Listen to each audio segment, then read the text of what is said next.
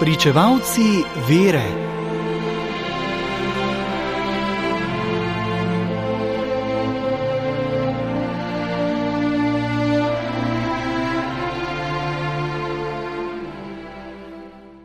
Danes zgoduje sveti Blaž, škof in mučenec, ki je umrl leta 316.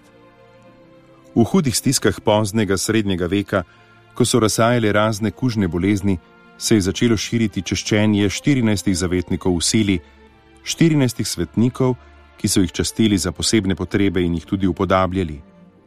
Mednje sodi tudi današnji godovnjak, sveti Blaž, zavetnik zoper bolezni grla in vratu, ker je po legendi ozdravil materi sina edinca, ki je bil požrl ribjo kost. Zaradi te prigode, pa tudi zaradi bližine svečnice, Cerkev na današnji dan vernikom podeljuje poseben blagoslov svetega Blaža.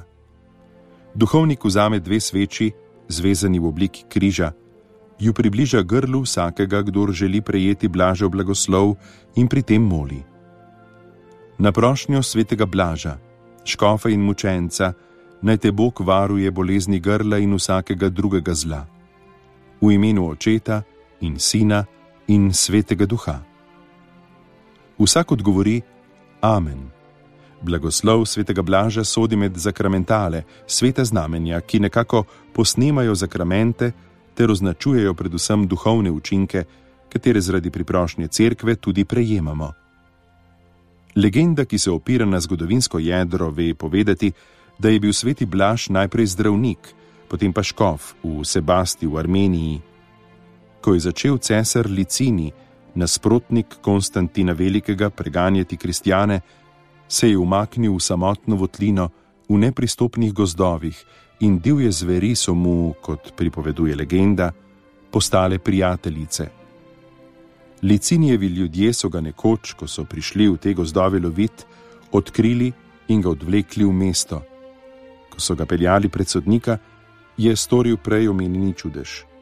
Z molitvijo je ozdravil dečka, in ga vrnil njegovi materi. Sam pa je šel v trpljenje in mučeniško smrt. Rabli so ga neusmiljeno prebičali, ga trgali železnimi kavli, naposled ga je dal sodnik obglaviti. To se je zgodilo najbrž leta 316. Njegovo češčenje se je hitro širilo. Mesto Dubrovnik, ki je bilo nekoč pomorska republika, si ga je že davno najbrž v desetem ali vsaj dvanajstem stoletju, izbralo za svojega posebnega zavetnika in dan svetega Vlahe, kakor našemu svetniku pravijo Dalmatinci, je za Dubrovčane velik praznik.